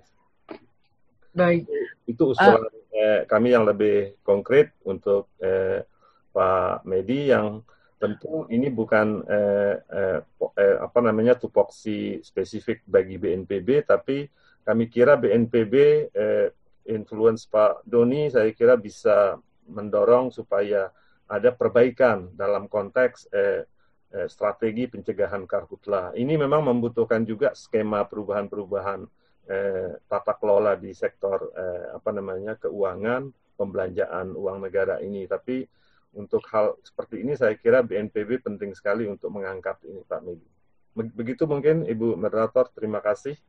Iya, terima kasih. Uh, Pak Medi mungkin ada tanggapan walaupun itu tidak langsung terkait soal uh, anggar anggaran tadi, tapi itu adalah masukan juga. Bagaimana tanggapannya mungkin dari Pak Medi Terima kasih Bu Gita, Pak. Uh, anu saran masukan ataupun pertanyaan dari Pak Aziz saya sangat menarik dan ini sebetulnya pemikiran kita sudah inline ya, terutama dengan konsep yang sampaikan Pak Doni. Sebetulnya sudah inline, tinggal kita uh, mencari uh, dealnya, implementasinya seperti apa gitu. Karena uh, ada ada dua ada dua hal yang saya ingin uh, menanggapi di sini sampaikan Pak Adi, uh, Pak Asli. Uh, anggaran, anggaran memang uh, anggaran menangani karhula 2019 terakhir juga 3,4 itu DSP itu dominan itu digunakan untuk pembiayaan uh, waterbombing atau aircraft untuk TMC dan sebagainya gitu. Nah, sangat mahal sekali gitu. Nah, sebetulnya itu menggunakan dana siap pakai, dana rutin karena kita tidak bisa menggunakan dana dana rutin memang tidak tidak tidak cukup, tidak dialokasikan. Ini sekedar informasi saja uh, kepada kita semua ya uh, bicara aktivitas-aktivitas pencegahan, mitigasi, kesiapsiagaan itu harusnya uh, kami uh, hanya menggunakan dana rutin. Dana rutin hmm. BNPB ini, sekali informasi, sejak 2015 sampai 2019 ini turun menjadi 30 persen terakhir. Kalau saya katakan untuk upaya-upaya mitigasi ini. Nah, ini apa? 30 persen dari? Bagaimana? 30% turunnya atau tinggal 30% dari tinggal 30 persen dari 2015 dari 2015 yang lalu. Nah, kalau kita bisa menggunakan BNPB ini punya dana siap pakai namanya. Dana siap pakai ini di, boleh dipakai pada saat ada keadaan darurat. Hmm. Nah, kalau kita menggunakan dana keadaan darurat berarti sudah kejadian atau akan terjadi atau dipastikan akan terjadi itu sudah hampir terlambat kita. Hmm. Nah, ini ini makanya ini dalam dalam ini ini menyangkut dana sehingga tentu juga sebetulnya tadi saya sudah menyinggung sedikit COVID ini sebetulnya membuat orang aware makanya kemarin uh, dari legislatif itu berinisiasi untuk membahas melanjutkan membahas rencana perubahan Undang-Undang 24 2007 salah satu pasal itu masalah masalah alokasi anggaran dan di situ disebutkan di antaranya isunya adalah menambah anggaran penanggulangan bencana. Nah, ini harusnya mestinya bukan melihat dari kejadian COVID ini mestinya. Dengan tren kejadian bencana dan losis ekonomi rata-rata meningkat setiap tahun, itu sebetulnya menjadi kebijakan. Tapi nyatanya, itu yang sampai sekarang anggaran BNPB ini tinggal 30% dari anggaran 2015.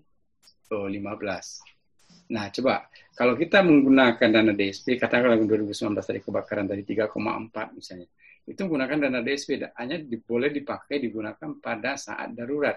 Artinya status darurat itu dikeluarkan oleh pemerintah daerah. Kalau status darurat dikeluarkan oleh pemerintah, baru kita bisa action.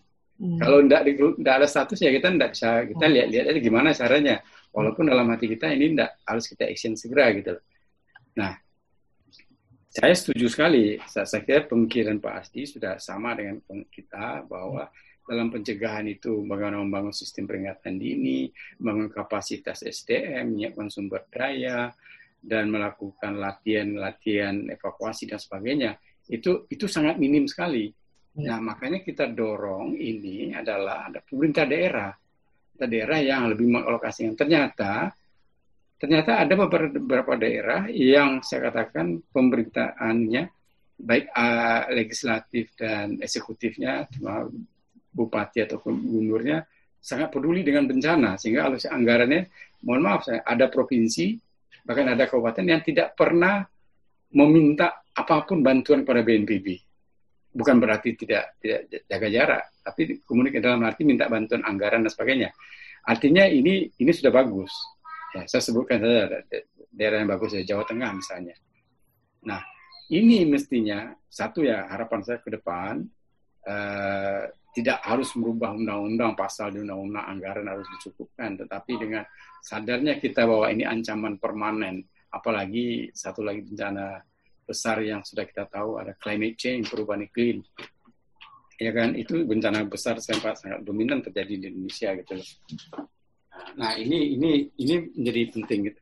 Nah kemudian ya. saya sangat setuju dengan Pak Asdi ya. tadi uh, bantuan desa ini. Di desa ini sebetulnya banyak sekali eh, program-program desa yang harus kita kolaborasikan bersama dengan Kementerian Desa, dengan BRG juga ada program desa, di PU juga ada program desa, Kementerian Desa juga ada. Nah ini yang belum belum belum menyatu ini, belum sinergi untuk upaya karhula dan sudah ada uh, buka dari uh, Kementerian Desa. Silakan menggunakan dana desa, saya ikut prosedur dan sebagainya. Nah ini yang belum belum menyatu karena kami dari konteks bencana belum baru selesai bencana ini datang lagi bencana lain belum sempat berpikir belum sempat uh, relax relaksasi terjadi lagi bencana. Nah ini mudah-mudahan ke depan ini uh, saya, saya ada ekspektasi juga walaupun ini tidak diharapkan uh, kejadian COVID ini membuat orang aware begitu urgensinya bencana. Coba hitung sekarang kerugian ekonomi dan sebagainya yang terjadi akibat bencana. Nah, kalau rata-rata tanpa COVID ini saja kita sudah 30 triliun setiap tahun rata-rata. Menteri Keuangan menyebutkan 22 triliun. Jangan banyak-banyak, 5, 5 triliun aja dilokasikan untuk pencegahan. Gimana? Akan lebih ideal ya saya kira. Ya. Hmm, Mungkin tadi sebagai masukan juga ya Pak Medi ya. Mungkin apakah perimbangannya bisa dimintakan nanti dalam rakornas berikutnya atau bagaimana? Karena sebenarnya ada dana yang besar cuma itu untuk darurat. Padahal uh, jadi memang seperti tidak cocok antara yang dikatakan uh, Pak Doni untuk pencegahan itu yang diutamakan prioritas, tapi dana prioritasnya di darurat. Mungkin di situ letak uh, ya. Ya. ya, jadi benar Bu, Bu Gita. Ya. Kami melakukan upaya pencegahan itu, itu terpaksa tanda petik menggunakan dana siap pakai kedaruratan. Karena ada ya. sebelum darurat itu terjadi, ada siaga darurat namanya. Yang. Nah, segala itu yang kita gunakan. Nah, kalau kita menggunakan udah darurat-darurat, ya pasti terlambat lah. Ya. Mestinya dialokasikan jauh-jauh hari di khusus dialokasi pencegahan, diperbanyak di pencegahan itu kalau boleh saya katakan ini pencegahan itu jauh lebih efektif investasi katakanlah perbandingannya satu investasi satu US dollar bisa berbanding 7 sampai 14 kali US dollar pada waktu kita menangani respon. Nah, ini ini ini ini yang belum dipahami gitu loh. Padahal secara internasional pun sudah Sende Framework menyatakan alokasikan anggaran untuk pencegahan kesiapsiagaan ya. dan sebagainya. Baik. Uh, mungkin Bang Fadli ada komentar tentang ini? Halo Mbak. Ya. Ya. Ya tentu agak ngeri juga gitu ya ternyata dana dana pencegahan dan dana penanggulangan tuh timbangnya jauh. Dan tadi saya menanggapi dari 2015 sampai 2019 menyusut uh, hanya uh, tersisa 30 persen. Sedangkan di 2019 terbakarnya itu meningkat lagi. Nah ini ini menjadi catatan penting bagi kita bahwa uh, mungkin di satu aspek pendanaan ini berkurang. Namun di sisi lain pun uh, perlu adanya evaluasi-evaluasi uh, yang menjadi input di tahun setelahnya itu kan yang lebih penting.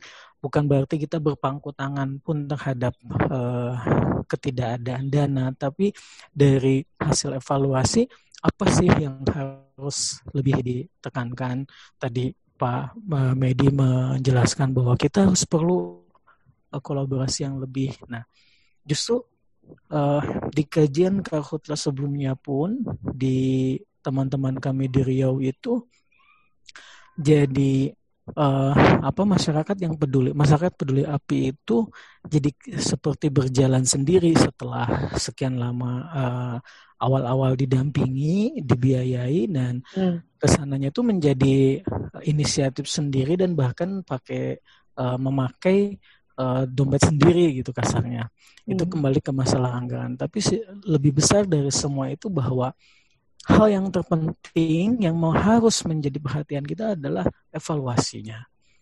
Karena itu akan menjadi input uh, di uh, persiapan di tahun uh, selanjutnya. Nah, uh, jadi uh, kajian ataupun apa pun itu uh, jenisnya ini harus me, me, menyasar seluruh aspek kolaborasi ini kayaknya sering kita dengar, namun pelaksanaannya seperti masih terkotak-kotaknya di lapangan. Namun-teman di daerah pun demikian, bahkan kita di tingkat nasional pun uh, kolaborasi ini masih perlu harus menjadi lebih dari sebuah retorika gitu Mbak Gita bahwa apa sih yang harus kita uh, sama-sama benahi di sini agar besar harapan kami 2020 ini jangan sampai menjadi uh, uh, luasan terbakar yang lebih besar dari 2019 karena ya BMKG sudah memprediksi ini akan background cuacanya akan lebih uh, panas lagi itu jadi mungkin Mbak Gita uh, masukan dari saya. Uh, tadi dari peserta kayaknya ada raise hand juga. Uh, mungkin bisa kita. Ya, kalau ada dari tadi ada Mbak Nur Komaria tadi dari uh, LSM ya. Oh, okay. Yang pertanyaannya tentang tadi sudah saya sampaikan. Oh, halo Mbak Gita, boleh share sedikit? Ya, silakan. Oke, okay, Mbak Gita. Jadi, jadi saya kira uh, pemahaman kita sama ya. Saya kira, cuman ini mungkin bagaimana kita mensinergikan ini dan mengimplementasikannya. Mengenai dana tadi ya, jadi itu saya katakan itu seperti itu yang terjadi. Harapan kita kalau dana BNPB tadi sudah berkurang menjadi 30 persennya, ya. sementara ancaman bencana ini semakin meningkat karena ya. apa? Karena kerusakan lingkungan dan sebagainya.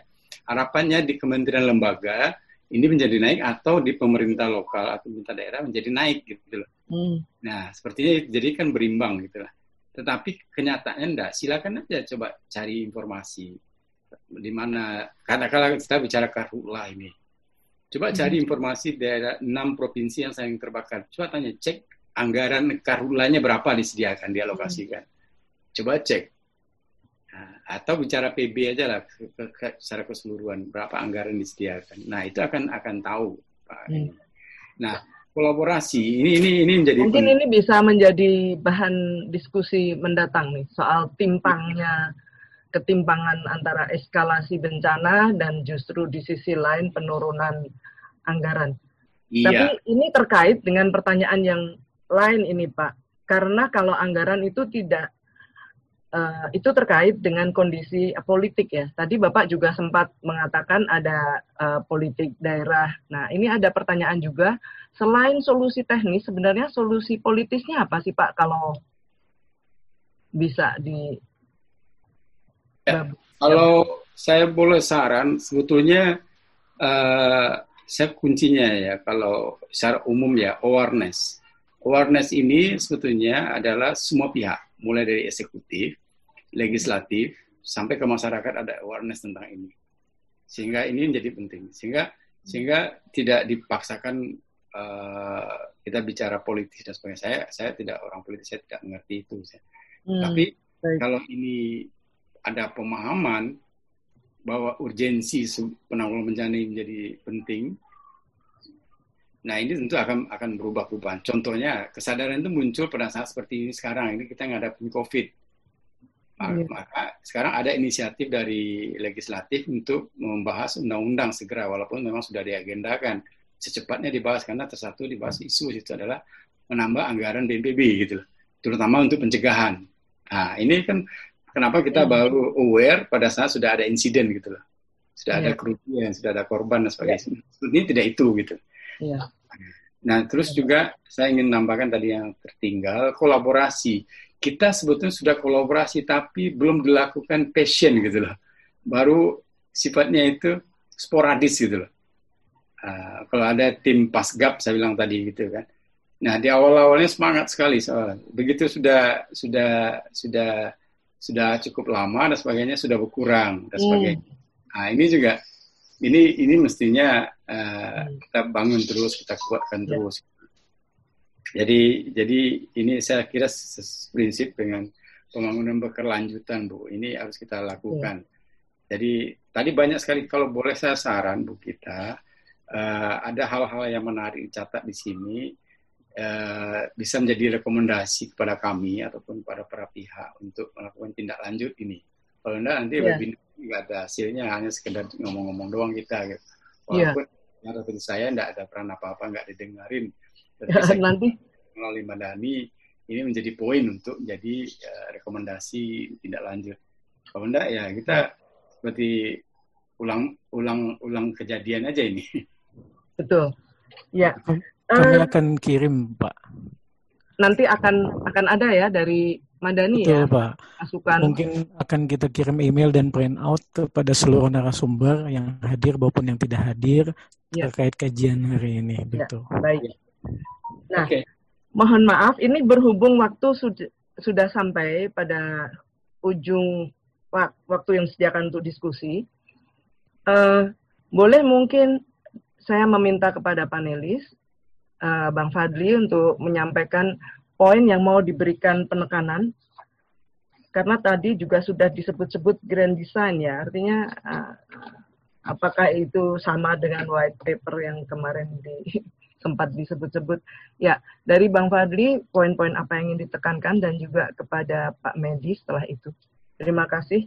Singkat saja ya. Oke, Oke terima kasih Mbak Gita. Pada intinya adalah kita harus semakin mempersiapkan kebakaran di 2020, khususnya di lima provinsi yang kita rekomendasikan. Kemudian juga kita perlu me memperbaiki sistem tata kelola gambut kita khususnya terkait dari restorasi karena kita masih menemukan 44% terbakar di sana.